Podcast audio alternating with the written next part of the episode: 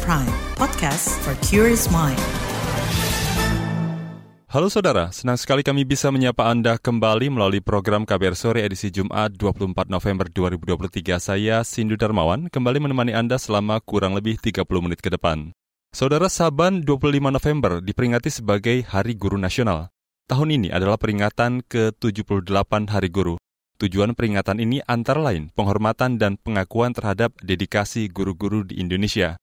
Namun faktanya saat ini, kebijakan program guru dan tenaga kependidikan masih belum memenuhi kesejahteraan dan pemerataan guru. Semisal kebijakan seleksi pegawai pemerintah dengan perjanjian kerja atau guru P3K yang masih memiliki beragam masalah. Selain itu, kompetensi guru juga masih butuh perbaikan untuk mewujudkan pendidikan berkualitas dan merata. Sebenarnya, apa akar masalah pemenuhan kesejahteraan dan pemerataan guru dan bagaimana mengatasinya? Selengkapnya kita bahas di KPR Sore.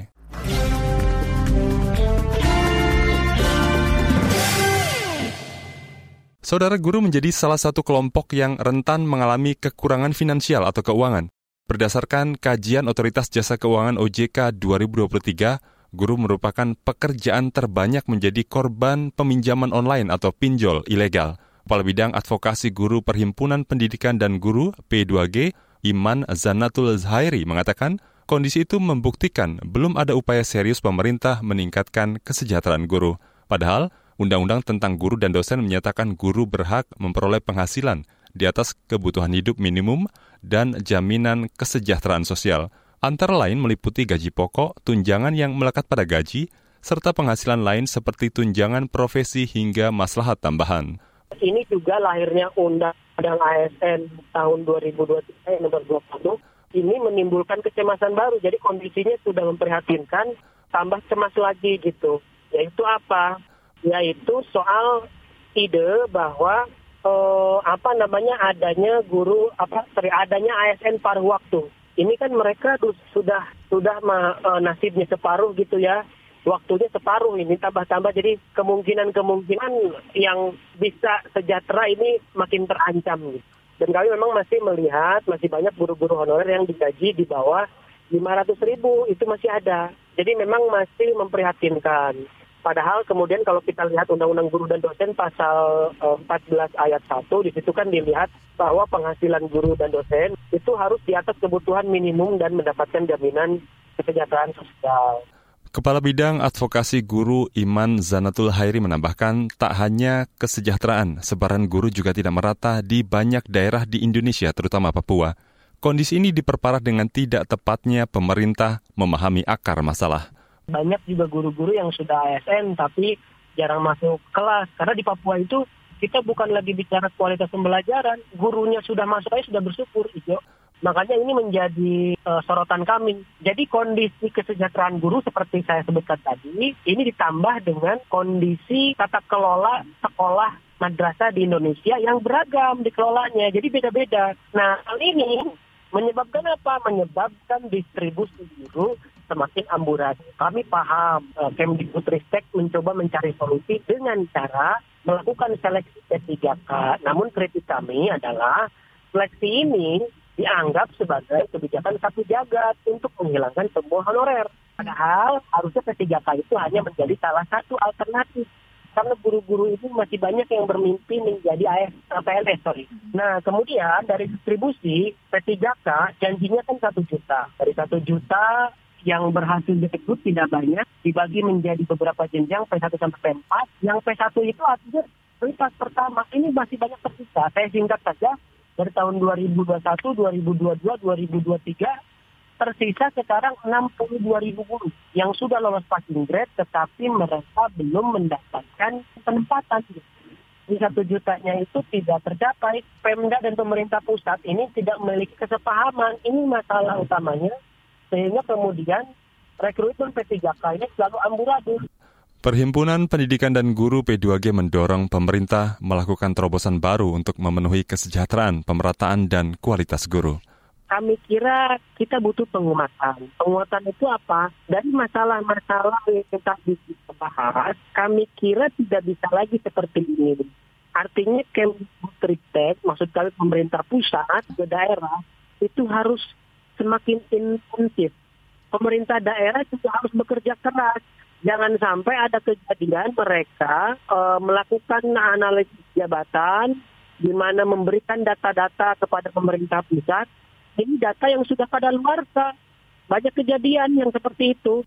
Itu tadi Kepala Bidang Advokasi Guru Perhimpunan Pendidikan dan Guru P2G Iman Zanatul Hairi.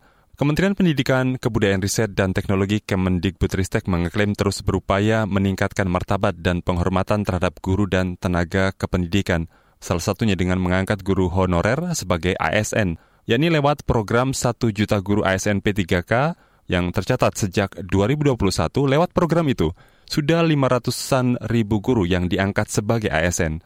Direktur Jenderal Guru dan Tenaga Kependidikan Dirjen GTK Kemendikbudristek Nunuk Suryani mengatakan, pada 2023 masih berlangsung proses seleksi guru ASN P3K.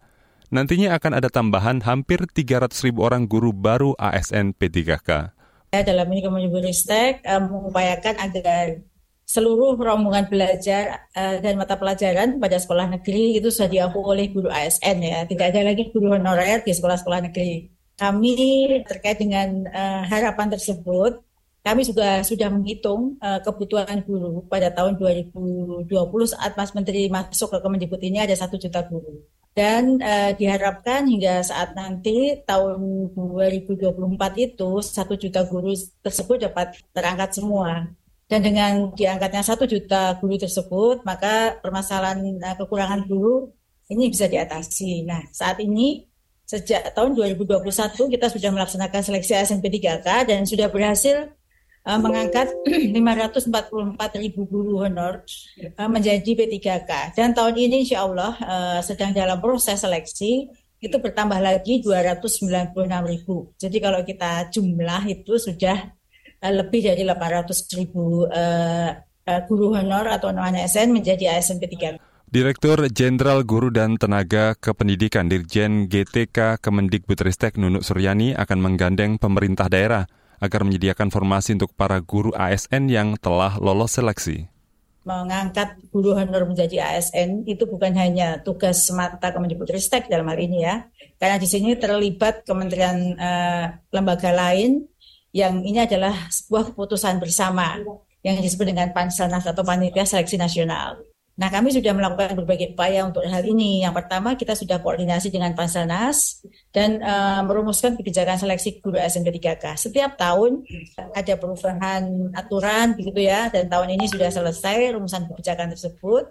Itu adalah uh, berkat uh, koordinasi yang kita lakukan. Kemudian yang kedua, kita dengan Panselnas juga mengadakan rapat koordinasi dengan Pemda. Karena bagaimanapun juga saat ini regulasi yang uh, yang ada itu Pemda lah yang akan mengusulkan formasi tersebut. Sedangkan Kemendikbudristek dalam hal ini GTK itu menghitung kebutuhannya. Agar usulan itu sejalan dengan kebutuhan, maka kami juga melakukan koordinasi dengan pemerintah daerah untuk sosial, sosialisasi kebijakan, kemudian juga mendorong mereka mengusulkan formasi sesuai dengan kebutuhan yang sudah kita hitung.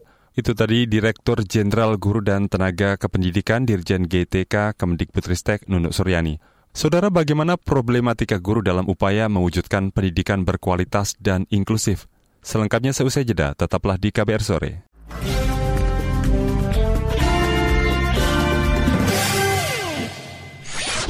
Commercial break. Commercial break. Anda sedang mendengarkan program Saga Produksi KBR. Dia mau nyium saya juga, pe, nyari. Atas ramai-ramai-ramai-ramai, semua pakai kain. Sekolah lansia merupakan upaya untuk memperpanjang usia sehat. Kisah-kisahnya menarik kan?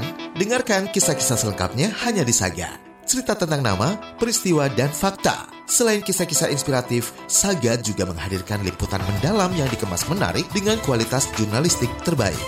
Dengarkan Saga hanya di kbrprime.id. KBR Prime, podcast for curious mind. You're listening to KBR Prime, podcast for curious mind. Enjoy!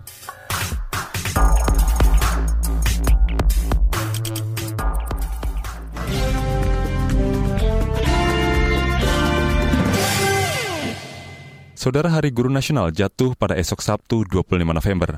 Masih banyak masalah menyelimuti dunia pendidikan di Indonesia. salah satunya dalam upaya mewujudkan pendidikan inklusif. Apa saja masalahnya? Simak laporan khas KBR disusun jurnalis Ardi Ritwansyah.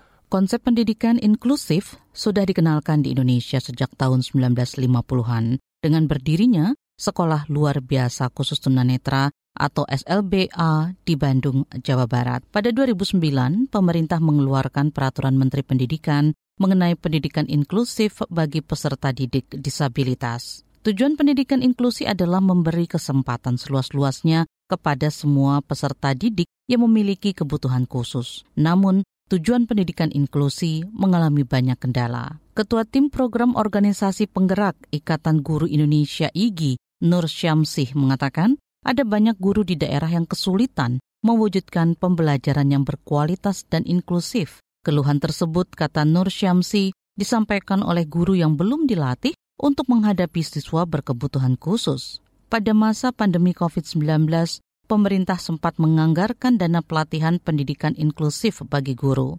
Namun saat ini tidak ada lagi alokasi anggaran dari pusat ke daerah untuk melakukan bimbingan teknis. Hanya saja tahun ini uh, sepertinya anggaran untuk ke daerah dari Kemendikbud itu terkait pendidikan inklusif itu uh, tidak ada lagi. Dari tahun-tahun sebelumnya 2017, 2018 itu masih ada, itu langsung ke tim Pokja, ada juga langsung ke sekolah, tapi untuk tahun dua tahun terakhir ini tidak ada lagi. Nur Syamsih menambahkan kendala pendidikan inklusi juga karena masih ada daerah yang belum memiliki sekolah luar biasa atau SLB yang dibiayai pemerintah. Kalaupun ada, SLB itu biasanya dikelola swasta untuk mengakomodir semua peserta didik yang punya hambatan, saya kira sangat sulit dengan uh, termasuk akses mereka yang sangat jauh karena tidak semua SLB memiliki asrama. Selain itu, menurut Nur Syamsi, jumlah guru pendidikan luar biasa juga masih minim.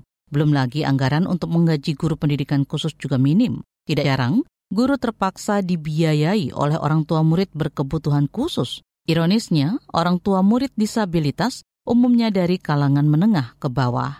Nur Syamsih berharap ada terobosan agar honor guru pendidikan khusus bisa diambil dari dana bantuan operasional sekolah BOS. Selain itu, Nur Syamsih juga berharap jumlah guru untuk murid berkebutuhan khusus ditingkatkan dengan melibatkan perguruan tinggi. Di lain pihak, Kementerian Pendidikan dan Kebudayaan mengakui anggaran untuk meningkatkan kompetensi guru tidak besar termasuk guru untuk murid berkebutuhan khusus. Dirjen Guru dan Tenaga Kependidikan di Kemendikbud Nunuk Suryani mengatakan, memang anggaran pendidikan total untuk tahun depan mencapai 660 triliun rupiah. Namun Kemendikbud hanya mengelola 15 persen dari jumlah itu. Kalau kita melihat persentase anggaran untuk peningkatan kompetensi guru itu adalah tiga setengah persen dari anggarannya Kemendikbud ya, bukan dari anggaran secara keseluruhan dari uh, kementerian. Kalau bicara tiga setengah persen sekitar eh, tiga setengah triliun. Sementara itu, Dewan Pakar Ikatan Guru Indonesia (IGI) Rusnani menjelaskan, dengan minimnya SLB maka sekolah reguler mesti menerima murid penyandang disabilitas. Namun Rusnani menekankan agar sekolah reguler dibersihkan dari praktik perundungan. Mengapa tidak disekolahkan di SLB saja katanya? Kalau di sekolah umum nanti dibully. Uh, mohon maaf, bukan masalahnya anak-anak berkebutuhan khusus yang kita hindarkan bersekolah di umum, tetapi bulinya yang kita hapuskan. Rusnani juga mendorong ada pelatihan bagi guru sekolah reguler agar memahami terkait pendidikan yang inklusif. Menurut dia, guru harus bisa membedakan cara mengajar siswa non-disabilitas dengan yang disabilitas.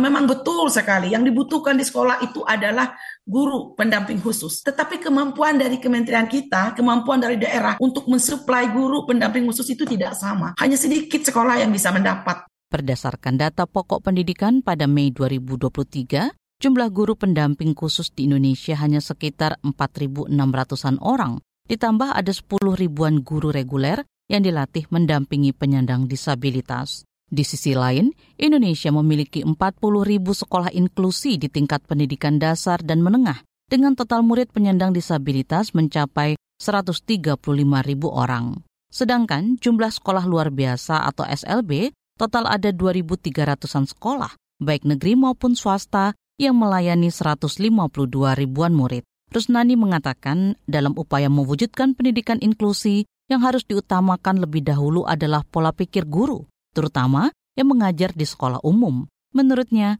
pendidikan inklusif tidak hanya bicara pelayanan kepada anak berkebutuhan khusus, namun juga anak yang terpinggirkan yang berada di daerah perbatasan, korban perang, pengungsi, dan korban narkoba. Demikian laporan khas KBR. Saya Fitri Anggreni. Itu tadi laporan khas KBR mengenai upaya mewujudkan pendidikan inklusif. Kita kembali ke topik utama. Saudara, sebagian kalangan wakil rakyat di parlemen mengungkap sejumlah persoalan di lapangan yang menghambat percepatan pemenuhan kesejahteraan guru. Apa saja tantangan itu menurut wakil rakyat? Simak sesaat lagi, tetaplah di KBR Sore.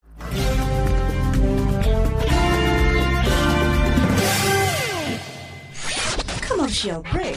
Commercial break. Yang baru, yang baru, yang baru. Tidak ada yang lebih baru dari kabar baru. Cukup 5 menit bisa perbaharui informasi kamu. Cukup 5 menit berita terbaru ada di genggamanmu. 5 menit sayang untuk dilewatkan karena kabar baru diramu dengan kualitas jurnalistik terbaik didukung puluhan reporter dan kontributor di Jakarta dan berbagai kota di tanah air. Simak hanya di kbrprime.id. Cukup search kabar baru, kamu akan dapatkan informasi teraktual dalam 5 menit.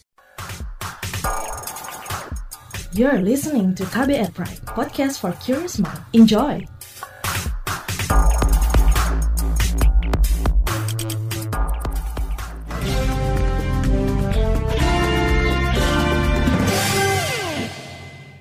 Kita lanjutkan lagi KBR sore. Saudara sebagian kalangan wakil rakyat di parlemen menyoroti soal kesejahteraan dan pemerataan guru di tanah air. Anggota Komisi Pendidikan DPR Ratih Megasari Singkaru menilai Hal itu terjadi karena ada sejumlah tantangan yang masih dihadapi guru. Salah satu isu utama yang menjadi sorotan yaitu proses pengangkatan guru dalam skema pegawai pemerintah dengan perjanjian kerja atau P3K. Kesenjangan antara jumlah formasi yang dibuka dengan kebutuhan real guru di lapangan itu menunjukkan adanya ketidakcocokan antara kebijakan pemerintah dan juga realitas yang dihadapi oleh sekolah-sekolah di seluruh Indonesia gitu. Dan juga kekurangan formasi ini bukan uh, hanya menghanggap, meng, uh, menghambat peningkatan daripada kualitas pendidikan, tapi sebenarnya juga mempengaruhi kesejahteraan dan juga uh, kepastian karir para guru honorer ini. Dan juga tadi juga uh, berikutnya sudah disampaikan tadi oleh Ibu Rusnani ya terkait masalah data. Data juga merupakan uh, hal yang sangat penting menurut saya. Masalah data dan penempatan guru yang tidak akurat itu juga menambah kompleksitas situasi. Penggunaan data lama dalam seleksi P3K itu justru uh, berpotensi menyebabkan adanya ketidaksesuaian antara lokasi penempatan dengan kebutuhan aktual di daerah tersebut gitu. Ratih juga menyoroti kesenjangan yang kasat mata dalam akses dan juga kualitas pendidikan antar wilayah di Indonesia, terutama soal pendistribusian guru. Politisi Nasdem itu menilai masih terdapat kesenjangan dan ketidakmerataan pendistribusian guru yang turut berdampak kepada pendidikan di Indonesia. Apalagi kalau misalkan kita berbicara tentang pendistribusian guru, kalau kita bicara di wilayah timur, itu masih banyak pendistribusian yang menurut saya tuh belum merata gitu. Dan masalah ini sebenarnya jadi semakin mengakibatkan lagi perbedaan yang sangat besar dalam kualitas pendidikan yang diterima uh, oleh pelajar di wilayah wilayah-wilayah tersebut begitu apalagi mereka yang berada di wilayah terpencil ataupun 3T. Nah, ini ini ini tuh menciptakan sebuah jarak gitu ya dalam peluang pendidikan dan juga hasil pembelajaran yang di mana ini merupakan salah satu hambatan utama menurut saya apabila kita ingin mencapai pendidikan yang merata dan juga inklusif. Lalu juga berikutnya uh, masalah terkait kualitas dan juga kuantitas guru. Meskipun banyak guru di Indonesia yang sudah memenuhi kualifikasi pendidikan minimal gitu ya, tapi ternyata pada kenyataannya masih banyak uh, masih kurang gitu ya dari separuhnya yang telah tersertifikasi. Tadi kalau saya nggak salah dengar dari Prof Nunu ada satu setengah juta yang belum tersertifikasi gitu ya. Uh, nah, menurut saya selain itu juga uji kompetensi menunjukkan bahwa masih ada ruang besar sebenarnya untuk peningkatan dalam hal kompetensi guru yang berpengaruh langsung pada kualitas pengajaran dan juga hasil pembelajaran daripada siswa-siswa kita. Ratih juga kerap menemukan sejumlah persoalan yang dihadapi guru di sejumlah wilayah, terutama di daerah-daerah terpencil. Di dapil saya pun di Sulawesi Barat juga uh, hal ini masih banyak diteriakan oleh uh, masyarakat gitu ya dari bidang pendidikan bahwa mereka ini masih sangat kekurangan guru, yang di mana jadinya ini menyebabkan tidak terpenuhinya tidak terpenuhinya kebutuhan pendidikan dan juga ini menjadi hambatan dalam usaha kita untuk uh, memeratakan kualitas pendidikan. Dan juga upaya pemerataan dan uh, redistribusi guru menurut saya memerlukan pendekatan yang lebih sistematis tentunya dan koordinasi antara pemerintah daerah dan juga pemerintah pusat termasuk juga uh, penataan yang lebih akurat berdasarkan data yang paling faktual. Sekali lagi untuk sekian kalinya data data data itu menurut saya juga hal paling krusial apalagi dalam pendistribusian guru gitu ya Lalu juga untuk uh, masa depan gitu ya, pendidikan di Indonesia itu menurut saya juga memerlukan perubahan komprehensif yang mencakup peningkatan akses dan juga kualitas pendidikan di seluruh wilayah. Peningkatan kualitas dan kuantitas guru ia menyarankan pemerintah memperbaiki kebijakan yang lebih realistis, mengakat, mengatasi akar masalah serta sesuai kebutuhan di lapangan. Hal ini untuk memastikan kesejahteraan serta pemerataan guru di Indonesia. Dunia pendidikan kita di masa depan pendidikan kita ini uh, yang di mana harus berfokus pada beberapa aspek krusial. Yang pertama itu menurut saya perlu adanya penyesuaian kebijakan pengangkatan guru yang lebih realistis dan juga sesuai dengan kebutuhan nyata di lapangan karena sampai sekarang ternyata masih banyak uh, disnya gitu ya, banyak ketidakcocokannya gitu. Lalu juga yang kedua ada kebutuhan mendesak untuk mengubah aturan dan juga kebijakan yang mengatur kontrak kerja dalam skema P3K agar ini dapat memberikan kepastian serta kestabilan karir uh, bagi para guru-guru kita. Lalu juga yang ketiga, pemerintah menurut saya perlu terus berinvestasi gitu ya dalam pengembangan profesional guru, termasuk pelatihan dan juga sumber daya yang memadai untuk mendukung mereka uh, dalam menghadapi tantangan global yang ada sekarang ini, khususnya untuk pemanfaatkan pemanfaatan teknologi dalam dunia pendidikan. Uh, dan juga dengan demikian pendekatan holistik yang melibatkan peningkatan kompetensi guru, eh, penyediaan sarpras yang memadai, kolaborasi antara guru-guru di sekolah, serta peningkatan kesadaran dan juga dukungan dari orang tua dan juga masyarakat ini sangat-sangat diperlukan untuk mewujudkan pendidikan yang berkualitas. Itu tadi anggota Komisi Pendidikan DPR dari fraksi Nasdem, Rati Megasari Singkaru. Saudara pengamat pendidikan pesimistis program pemerintah untuk memenuhi kesejahteraan dan pemerataan guru dapat terwujud. Apa alasannya? Pengamat pendidikan Doni Kusuma akan menjelaskan sesaat lagi di KBR Sore.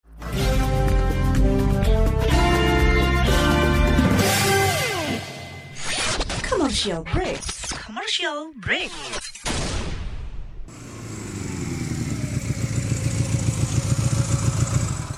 Basic paket.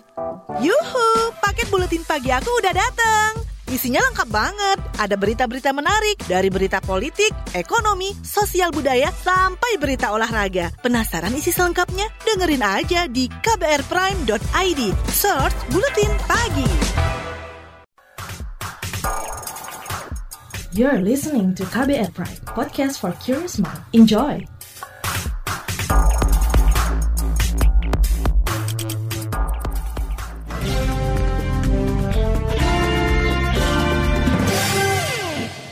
Anda masih mendengarkan KBR Sore. Saudara sebagian kalangan pengamat pendidikan menilai Menteri Pendidikan Nadiem Makarim belum mampu memenuhi nasib kesejahteraan guru di Indonesia. Menurut pengamat pendidikan Doni Kusuma, perlu banyak evaluasi program kerja yang harus dilakukan pemerintah untuk meningkatkan kesejahteraan guru. Kata dia, banyak program dilahirkan pemerintah, tapi belum maksimal pelaksanaannya. Salah satunya perihal ruang talenta hingga program rekrutmen 1 juta guru ASN. Lantas apa yang perlu dievaluasi? Simak wawancara jurnalis KBR Hoirunisa bersama pengamat pendidikan Doni Kusuma itu mengenai evaluasi dari upaya pemerintah dalam meningkatkan kesejahteraan dan pemerataan guru, Pak. Saya melihat di eranya Mas Nadiem Makarim ini belum ada banyak perkembangan yang signifikan ya. Selain yang sedikit sudah maju adalah seleksi guru P3K. Guru honorer itu kan sudah di atas 35 tahun dan tidak mungkin menjadi ASN maka satu-satunya cara ya dengan guru P3K. Tetapi dari satu juta yang diperspektifkan untuk diangkat sampai sekarang itu baru 500 ribuan. Dan ini tentu saja membawa hampir separuh ya, 50 persen guru honorer dan bahkan guru-guru yang sudah lolos P3K itu pun tidak mendapatkan SK ya. Jadi terkait dengan kesejahteraan guru-guru, kebijakan P3K ini sampai sekarang mandek dan belum ada titik temu karena pemerintah hanya mengandalkan Kemdikbud hanya mengandalkan pemerintah daerah supaya mengeluarkan SK. Baik, kalau tadi Bapak juga menyinggung sedikit Pak soal rekrutmen 1 juta guru ASN gitu di tahun depan. Nah, kalau Bapak mengomentarinya bagaimana Pak? Apakah ini bisa jadi solusi? Status guru-guru honorer yang sudah bekerja lama di sekolah-sekolah negeri, itu yang harus dibereskan dulu. Jadi pemerintah itu harus punya prioritas. Jadi guru-guru honorer itu dipersiapkan, dibereskan. Apakah mereka langsung bisa diangkat atau dipermudah untuk menjadi P3K atau tidak? Itu harus dipercepat. Lalu yang kedua, untuk guru-guru baru, guru-guru yang pensiun, itu jangan jangan memakai mekanisme guru P3K. Karena guru-guru baru ini harus diperoleh dari guru-guru yang memang berkualifikasi, termotivasi, terpanggil, dan memang dipersiapkan sebagai guru. Sehingga ke depan guru-guru honorer itu beres, mereka lebih sejahtera, lalu guru-guru yang sudah pensiun digantikan oleh guru-guru muda bersemangat yang kemudian langsung diberi remunerasi atau penggajian yang bagus. Sehingga banyak anak-anak muda itu ingin menjadi guru karena seleksinya yang ketat, proses pendidikannya yang luar biasa sulit. Itu, itu tadi wawancara jurnalis KBR Hoirunisa bersama pengamat pendidikan Doni Kusuma. Informasi tadi menutup jumpa kita di KBR Sore edisi Jumat 24 November 2023. Pantau selalu informasi terbaru melalui situs kbr.id, Twitter kami di akun @beritaKBR serta podcast di alamat kbrprime.id. Saya Sindu Darmawan bersama tim yang bertugas undur diri. Salam.